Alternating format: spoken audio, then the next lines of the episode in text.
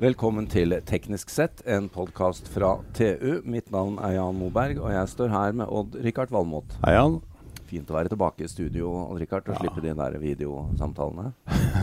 ja, det er det. Men da, vi har jo funnet en ny metode som funker, da. Ja, ja, Ja. visst. Det funker absolutt. Uh, I dag skal vi snakke om et tilbakevendende tema. Ja. Hydrogen. Hydrogen. Og så tenkte jeg på det her uh, da vi forberedte oss litt for noen minutter siden, at eh, det, er det er jo er vanskelig å finne temaer som vi er veldig uenige om. Richard. Kanskje, det hadde, kanskje vi må prøve å finne det òg? Så vi får opp uh, litt kranglenivå her. Ja, ja. Ja. Nei, Ja. vi er enige, på, enige om det meste. Men uh, vi skal ta en liten oppdatering på hydrogen. Uh, og ikke minst fordi at regjeringen la fram sin hydrogenstrategi. Hva syns du om den, Richard? Altså, det med hydrogen har jo gått fram og tilbake hele min tid i, mens jeg jobba her, i Ja. 23 år. Det var, det var første jeg virkelig var interessert i. Det var veldig begynte. høyt på din favorittliste. Og I- på- 687 favorittemaer en På midten av 90-tallet, ja. For Ja. da var jo hydrogen redningen. Ja. Og så kom så Etter hvert så kom litium-ionebatteriet og gjorde det rangen stridig på biler og en del sånne ting. Nå er det tilbake igjen. Ja. Men Du trodde ikke på hydrogen-PC, liksom? Nei. ja, men det, vet du hva? Det har vært forsøkt, Jan. Har det det? Ja, Ja, det har det. Spennende. Ja, Så det. det er ikke, det er ikke umulig. Men vi har med oss et par uh, gjester i studio i dag som vi er veldig takknemlige for. For at der skal vi nemlig få noen av disse svarene, tenkte jeg da. Vi kan begynne med å introdusere Ingebjørg Tellnes Wilhelmsen, som er generalsekretær i Norsk Hydrogenforum. Velkommen. Tusen takk for det. Hyggelig Eh, å være her. Jo, uh, hyggelig å ha deg her. Og i og med at jeg nevnte dette med regjeringens hydrogenstrategi, så tenker jeg jo selv om du har jeg skjønt er ganske fersk i stillingen, Det er riktig. så er det jo naturlig at dere har en kommentar til den. Ja, det har vi. Eh, først vil jeg jo si at vi er veldig glad for at den har kommet. For dette er en strategi som bransjen faktisk har ventet på i flere år. Eh, så det var veldig gøy når eh, Tina Bru og Sveinung Rotevatn faktisk la den frem på hydrogenkonferansen vår 3.6. Mm. Eh, så det setter vi veldig pris på. Og jeg som er relativt ny, som du sier, i jobben, syns jo strategien er en veldig god faktabeskrivelse av, hva, av status på hva som skjer på hydrogenområdet. Og den er skrevet på en god måte i den forstand at det er, eh, det er mulig å forstå det. eh, og henge med for de som ikke kjenner til hydrogen. Så jeg vil oppfordre alle som har lyst til å lære mer om hydrogen, om å lese strategien. Litt voksenopplæring, rett og slett? Ja, det er det. Det er jo vi opptatt av. Det, Ja. Det er vi absolutt. Men når det er sagt, da, så må jeg jo si at vi syns jo den er lite ambisiøs. Og den mangler konkrete mål på hvordan vi skal få mer hydrogen eh, og verdiskapning og grønne arbeidsplasser i Norge. Så de har i strategien så har de tatt inn de helt overordnede klima- og miljømålene Ja. som Norge har forpliktet seg til. Men så er det jo da et gap mellom det og den statusbeskrivelsen. Så det vi som bransje eh, har som jobb å gjøre nå, det er jo å fylle det gapet med konkrete tiltak og virkemidler for hvordan vi skal lykkes med å få utløse hydrogen. Og da må vi jo nevne da at Norsk hydrogenforum forum, det er jo da en, eh, et forum som består av forskningsmiljøer, institutter og bransjeforeninger og bedrifter som leverer innenfor området. Ja, det er riktig. Og det er en, hva skal vi si, en medlemsmasse. Vi er vel 56 medlemmer per i dag. Ja. Og jeg vil si at det jeg har lagt merke til så langt, at her er det høy kompetanse uh, og mye stå-på-vilje. Men det du forteller om reaksjonen på strategien, er den sånn rimelig enstemmig i Den er det bred enighet om, og jeg tror nok hele bransjen er utrolig skuffa. Akkurat? Det må jeg si. Såpass, Det er jo gjerne sånn når man venter på noe Ja. godt, Ja. eh, og så blir ikke leveransen helt som forventningene tilsier. Eh, men for meg som kommer utenfra, så, så ser jeg også noen lyspunkter. da. Og det var litt sånn inngangen min til dette også. For jeg, jeg tenkte alle vil lete etter det som ikke er bra. Men jeg ser jo at i strategien så pekes det jo òg på at regjeringen er veldig opptatt av å se nærmere på virkemidlene. Og at de ønsker å tilpasse virkemidlene i forhold til de behovene man har. ja, rett og slett øke innsatsen på området. Ja, og da Ja. tenker jeg at denne strategien velger jeg da å se på som en god start for det videre arbeidet. Eh, det er jo kanskje verdt å merke seg at vi har jo vi har en veldig lang hydrogentradisjon i Norge. Den nærmer seg 100 år. Ja. Og det at vi nå lager hydrogen øh, øh, på Hydro Ja. for, å la, for å bruke i gjødsel, Det har jo virkelig tatt av de siste åra, uavhengig av strategi eller ikke. og Se på aksjen til Nell, og den går jo som ei kule. Og hydrogen er jo blitt stort på laste, lastebilsida i USA, og det tjener de på. Og jeg tror det kommer til å ha mye spin-off-effekter, altså både innafor båter og fly og, og, tog og mye rart. Dette kommer vi nærmere inn på. Ja. Nå står det en annen kar og tripper her som vi må introdusere. Ja. nemlig forskningsleder Magnus Thomassen fra Sintef. Velkommen. Takk skal du ha. Må, nå har vi jo hørt uh, hydrogenforumets uh, reaksjon på denne strategien, men først må jeg bare stille deg spørsmålet. Er det sånn at vi misforstår? At vi tenker at her ligger det for mye som skal løses langt fram i tid, i forhold til hva vi faktisk kan løse i dag? Ja, jeg mener det. Uh, en av de tingene som jeg er mest si, skuffet over i uh, den hydrogenstrategien, er uh, beskrivelsen av hvor teknologien er i dag. de skriver mye om at er, den er fortsatt ikke moden, og at man må kutte kostnader gjennom pilotering og demonstrasjonsprosjekter. mens for veldig mange områder så er det mer markedsakselerasjon som skal til. Altså at det er, det er det å legge til rette for utrulling i samfunnet. Og det er da man får de virkelige kostnadsreduksjonene som gjør at man kan få dette inn på markedet i stor skala i flere Rett og slett skalering, som det heter? Ja. det ja. som for eksempel, Hvis vi nevnte litiumbatterier, det er det som vi har sett der, er jo det at når du får opp volumet, så går ja. prisen ned. Ja. Og det er der brenselceller for eksempel, og hydrogenlagringstanker er i dag det er Teknologien er fin, den er moden, den er bevist å fungere i uh, mange, mange, applikasjoner allerede i ti år. Uh, man har biler og busser som kjører rundt. Ja, det er noen små uh, um, barnesykdommer kanskje i noen applikasjoner, men, men, det som skal til for å få ned kostnadene, er å få opp volum. Og det får man ikke gjennom et par demonstrasjonsprosjekter eller piloteringsfaser. Hva, hva, er det som ligger fremst i din hjernebark, hvis, hvis, du skal nevne hvor vi allerede kan begynne å kjøre da? Jeg tror det at hvis vi får til eh, en kombinasjon av flåter eh, på liksom, store biler og lastebiler, så har vi kommet langt til å få en planmessig utbygging der. Eh, mellom de største byene i Norge og si at vi ønsker å, å satse på hydrogen f.eks. i tungtransporten. Uh, og velger ut visse korridorer har en liten planmessig utbygging. Og ikke overlater alt bare til tilfeldige markedsaktører, men sier at det her vil vi satse på, på og, og, passe på at disse, denne infrastrukturen har flerbruk. At den kan brukes av flere ulike ja. segmenter i transportsektoren. Så tror jeg man har kommet langt. Det har vel utkrystallisert seg en sånn mening om at uh, spesielt etter at alle bilene ble elektrifisert uh, at uh, tungt og langt er tingen for uh, hydrogen. La, altså tunge biler som skal kjøre veldig langt mm. uten å stoppe og lade hele tida. Mm. Skip, kanskje fly i fremtiden. Og tog og Richard. Ja, og tog. ja, og tog, ikke minst. Ja. Ja, det er enig i det. at der, der går jo en, en, grense akkurat og hvor den grensa Det er ikke en, et måte, et steg der. Det er mer en sånn glidende overgang. Eh, mm. Men så klart, jo større og jo lenger, jo mer energi man trenger å ha med, og jo mindre tid man har til å, å fylle på eh, energien, jo bedre er det for hydrogen. Det er helt klart. Ja, jeg er veldig enig i det Magnus sier. Jeg har bare lyst til å legge til, for Du nevnte det med flerbruk, og det er utrolig viktig. Fordi at Hvis man f.eks. tenker seg en havn, da, etablerer et hydrogenfylleanlegg der, så vil man kunne fylle både på båt på tunge kjøretøy, som du nevnte, men også på personbiler. Ja. For det er jo det som er fordelen med hydrogenanlegg, at man kan kombinere dette.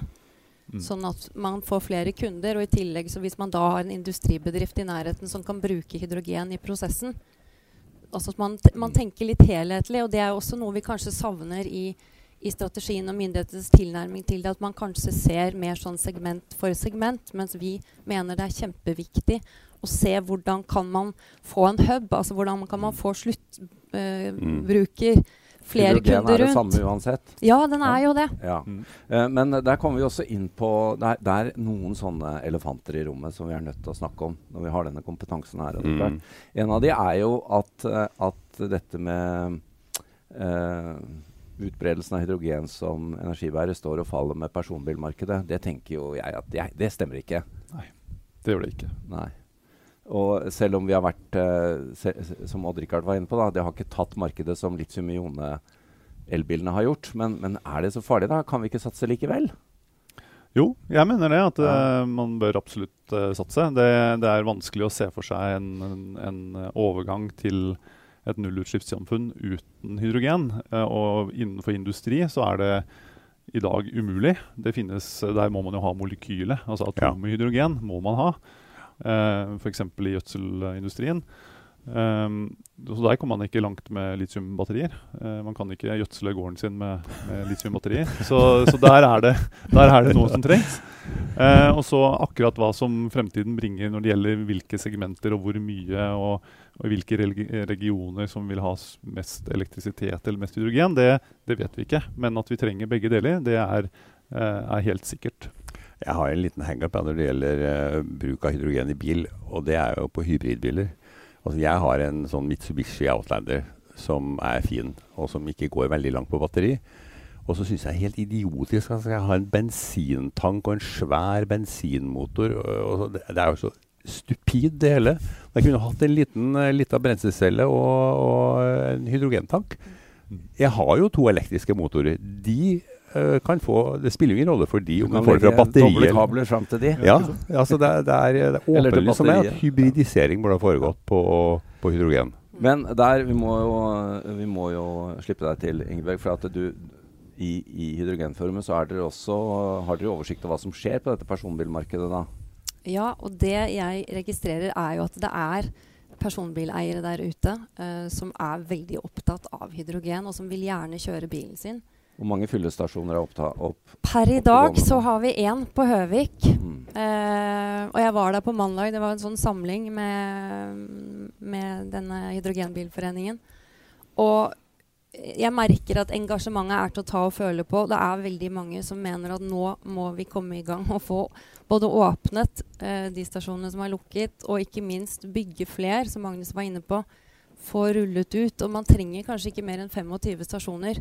Uh, nettopp i de hovedområdene og i korridorene før, før vi er i mål. Ja. Så det er her vi tenker at uh, vi vil veldig gjerne ha myndighetene med på laget. og Særlig Enova. Eh, som vi Ja. kunne godt tenke oss at mandatet til Enova ble noe mer spissa enn det er i dag.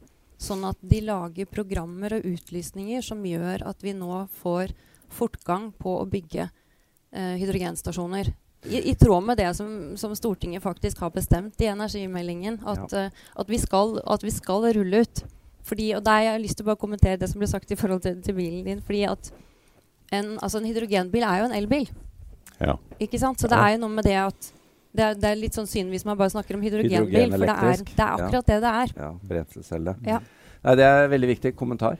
Ja, bare Når det gjelder hydrogenstasjoner og, og markeder, og sånt, så kan man bare se f.eks. i California. Nå var det en nyhet for et par dager siden tror jeg, nå, at nå gikk det inn et stort japansk selskap og skulle investere 230 millioner kroner i et selskap som bygger ut hydrogenstasjoner i California. Ja. Eh, der er det et marked, og du ser det er privat kapital, investerer og bygger ut. Og den, Det har kommet fordi at man har hatt en langsiktig, planmessig utbygging fra myndighetenes side. Det er uh, Vi må pense inn på elefant nummer to i rommet. Og du har en kommentar òg, Richard, vet jeg. Men siden vi snakker om dette uh, Elefant nummer to er jo at dette er farlig. Altså Vi husker stasjonen som gikk til himmels. Og uh, da vi hadde podkast med samferdselsministeren, den forrige, så var det snakk om eh, altså rett og slett profilen på togtunnelene. At man kunne ikke bruke hydrogentog, for i tilfelle det laks, så ville det samle seg lommer oppi tunnelene. Altså alt dette her. Men eh, Magnus, hva, hvor stor er den elefanten? Ja, jeg tror den kanskje er litt større enn den trenger å være. Men, men ja, altså hydrogen, som alle andre energibærere, er jo, eh, har jo mye energi i seg. Og den kan absolutt finnes absolutt eh, farlige scenarioer eh, i den. Som, samme som bensin og diesel og litiumbatterier og propan og hva som helst. Det viktige er at man, man behandler den på en riktig måte. Og at eh, at man har de riktige skal vi si, scenarioene eh, bak seg når man planlegger og bygger ut. Og så Ja. vil det jo være sånn at man, man kan ikke unngå at det skjer ulykker. Det vil alltid skje et eller annet sted så vil det skje en ulykke. Og jeg tror det at den største faren du har når du setter deg i en enten om det er en elbil eller hydrogenbil, er faktisk det at du kjører den på veien. ikke hvilket drivstoff som er i. Om du har riktig airbag eller ikke. Ja, eller om du sovner bak rattet eller ikke. Ja. Altså, så det, det er hva risiko og opplevd risiko er veldig forskjellig. Men uh, man skal ikke uh, Man må ta det på alvor. Ja, men bru, bruker dere i Sintef tid på akkurat den biten av det? Vi eh, jobber med sikkerhet eh, på flere Ja. ulike områder. Eh, blant annet så er det en god kollega av meg, Anders Ødegaard, som leder et KPN-prosjekt kompetanseprosjekt for næringslivet på eh, sikkerhet bl.a. for fylling av flytende hydrogen. Så det er et viktig tema. Eh, det, er, det er kanskje grunn til å, til å kommentere at det brenner jo bensin- og dieselbiler daglig. Men det er vi så vant til. Altså Hvis jeg på brenner en elbil, så er det katastrofe. ikke sant? Ja, ja, Men det, det, står, oppslag. det, det, Ja. det brenner jo så mye el, eh, vanlige biler at det er ikke måte på. Men det er vi vant til. Så det, det, er liksom, det har vi blitt blind for. Og det er vel kanskje litt sånn så, eh, samme med hydrogen. Og så skjer det en ulykke, så er det katastrofe. ikke sant? Det er jo, det er jo mye verre på fossilsida enn det er på alternative Ja, drivstoffer. Som jeg har sagt mange ganger, hvis fyrstikken ble oppfunnet i dag, så er jeg i tvil på om den hadde kommet til salg. ja, det tror jeg. Men uh, vi må innom elefant 3 også, før uh, vi tar en liten runde for å oppsummere. Det er nemlig virkningsgrad. Og her må jeg innrømme Odd Rikard, at jeg blir, jeg blir ordentlig lei av å høre på maset om virkningsgrad. Fordi Ja. hvis vi skal produsere hydrogen, og om de der vindturbinene står og surrer, og det er overkapasitet, hvorfor kan de ikke like godt lage hydrogen, da?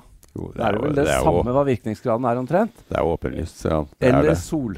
Altså solpanelene ligger Ja. der.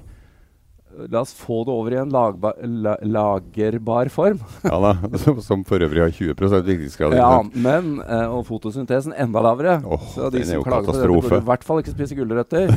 Men nå har vi kapasitet på området. Magnus, du må kommentere dette. Jeg har servert en hypotese som jeg Jeg vet jo ikke helt hva du kommer med nå, men eh, dette er et hett tema for våre lyttere og lesere, skjønner du. Ja, det, det ser jeg opplever det jeg også, at det er veldig mye diskusjon. Og det er kanskje fordi at det er lett å, å regne på. Ja. Det er lett å se, se på det og se at det er en verdikjede. og man kan se det. Men verden er mye mer kompleks. Så det er én faktor, og man har veldig mange andre ting som man må se inn i dette her. Og så er det veldig lett at man, når man ser på sånne virkningsgradsregnskaper, så ser man liksom på en idealisert versjon. Man ser på ok, dette her er driv, drivlinjen, og så er det så og så mange tap her og her. Og så ser man ikke på systemet i totalt sett. F.eks. Altså, som du sier, hvis du har 100% fornybar kraft, så må man kanskje lagre den kraften. For man skal ikke bruke den akkurat når det går til spille. Så hvis man skal gjøre det med elektrisitet, så må man jo lagre den på en eller annen måte. Og da er det litt tap der. Det er ofte ikke tatt med. Og så har man ehm, det at eh, hvis du har et I hvert fall hvis du ser på litt større kjøretøyer, så er ofte kjøretøyet tyngre. Og da må du bruke mer energi. Så du må ha mer energi på hjulet for et tungt kjøretøy. Ja. Eh, mens et hydrogenkjøretøy vil være lettere, så det trenger mindre energi. Det er Mm. ofte ikke tatt Ja. med i sånne beregninger. Og så har du ting som varmeproduksjon. I hvert fall her i Norge så må vi jo ha varme i bilen. Det er ofte ikke tatt med Ja. i sånne energibetraktninger. Så det er veldig mange ting som da ikke faller, liksom ofte ikke er med. Nå må du oppdatere regnearket ditt. eh, Ikke sant? eh, og, og, og det er veldig mange som f.eks. Jeg jobber jo veldig mye med elektrolyse, og det er det veldig mange som sier er veldig ineffektivt. Mm. Men ser du på Hvis man virkelig går til litt større skala, så er det ikke sånn at den energien som går til varme, nødvendigvis er tapt. Vi har jo eksempler på steder der du bruker eh, varmen til, eh, til Fjernvarme. oppvarming. Ja. ikke sant? Og dis district heating, hva heter det på norsk? Eh, Varme eh, ja. Fjernvarme. Fjernvarme, ja. Mm. Eh, og da kan man ikke si at den er borte. Nei. Så det er veldig mange ting her som gjør at dette, dette bildet er mye mer komplekst enn en, en enkel verdikjede og betraktning. Da. Hvordan er virkningsgradsdiskusjonen i Hydrogenforum, Ingebjørg? Det vet jeg rett og slett ikke så mye om akkurat nå, etter to uker i jobben. Nei, neste Men møte skal vi, jeg, I eh, skal vi snakke om virkningsgrad. Ja, ikke sant. Men det jeg, det jeg registrerer, da, er jo at uh, i strategien til regjeringen, altså hydrogenstrategien, så trekker de jo fram virkningsgrad som, som et argument mot. Og, så dette er noe vi definitivt vil følge opp i dialogen med myndighetene, fordi Ja. vi er opptatt av at uh, altså den, de politiske beslutninger som tas, baserer seg på riktig faktum. Mm. Så vi må nok uh, justere litt i, i forhold til, til det som står der i dag. Og jeg, jeg syns det hadde vært fint hvis vi kunne ja, ta litt sånn Jon Almaas-tilmeldingen og så legge den ballen død. Odd Rikard, et par avsluttende kommentarer fra mens vi har de her, disse to. Har du noe å spille inn? Nei, jeg syns det har tatt veldig lang tid. Ikke bare i Norge, men i uh, hele verden. For, at, uh, jeg, for, meg er det åpenlyst at dette kommer. Virkningsgrad eller ikke. Altså. Og alt det du sa om lastebiler og sånt, det er jo helt riktig. ikke sant? Jeg ser på aksjekursen til Nicola. Uh, du nevnte Jeg er jo mer interessert i aksjekursen til Nell, som er norsk. ikke sant? Det går jo det, det speiler markedet. Ja, det gjør det. det altså, dette, dette, skjer nå i, internasjonalt, og det er jo fantastisk. Endelig, etter 25 år snart. Det er bare synd at alle de flotte pantografene kanskje ikke kommer til liv i, i rett. da. ja. uh, liten runde til dere, Magnus og Ingebjørg. Hva, avslutningsvis, hva bør lytterne få med seg? Uh, jeg synes det at vi skal se på både hydrogen og elbiler, elbiler og elbiler som et godt alternativ. Og skal heller se på hvordan vi fort får disse inn på markedet, sånn at vi kan redusere CO2-utslipp, Uh, og ikke diskutere de opp mot hverandre hele tiden. Det tror jeg er det viktigste. Ja, jeg har lyst til å si at akkurat nå tror jeg vi må se til Europa, faktisk. EU er krystallklare på hydrogensatsingen sin. Flere land satser stort. F.eks. Tyskland la i forrige uke 95 milliarder kroner på bordet i en konkret hydrogenstrategi med et tydelig mål. Eh, og de sier at de vil bli ledende på det. Mm. Ja. Eh, og det er flere land i Europa, og EU skal legge frem en hydrogenstrategi i sommer. Så det vi er opptatt av nå, det er Nå er vi redd for at Norge rett og slett havner i baksetet. Eh, Norge er en energinasjon. Mm. Og det ønsker jo vi at vi skal fortsette å være. Ja, Den blir så, utfordret nå, da. Ja, det er det den gjør. Så ja. jeg tenker at nå er det viktig at norske myndigheter tar inn over seg den hydrogenfarten som nå settes i Europa, og at vi blir med på det. For her har vi et, et mm. kjempefortrinn i forhold til industriell erfaring og ja. kompetanse. Og vi, altså, vi har miljøene og mulighetene. Vi har gass, vi har fornybar energi. Vi har alle forutsetninger i verden for å lykkes med hydrogensatsingen i Norge. Så nå håper jeg bare myndighetene er med oss på det. Vi er nesten rørt, ja, Richard. Ja, jeg, skulle si nå får vi si ammen. ja, og det skal vi gjøre. Denne podkasten varte jo mye lenger enn det vi pleier å gjøre. Ja. Og så, uh, Ingebjørg, det kommer europeisk hydrogenstrategi i sommer. Du uh, sier fra til oss når den kommer, og så tar vi en ny podkast når den har kommet. Fordi det vi ikke har snakket om, er blå hydrogen og CCS f.eks. Ja. Det tar vi da, for her er det så mye å snakke om. Ja. Tusen takk for at dere stilte. Tusen, takk, takk til dere. Komme.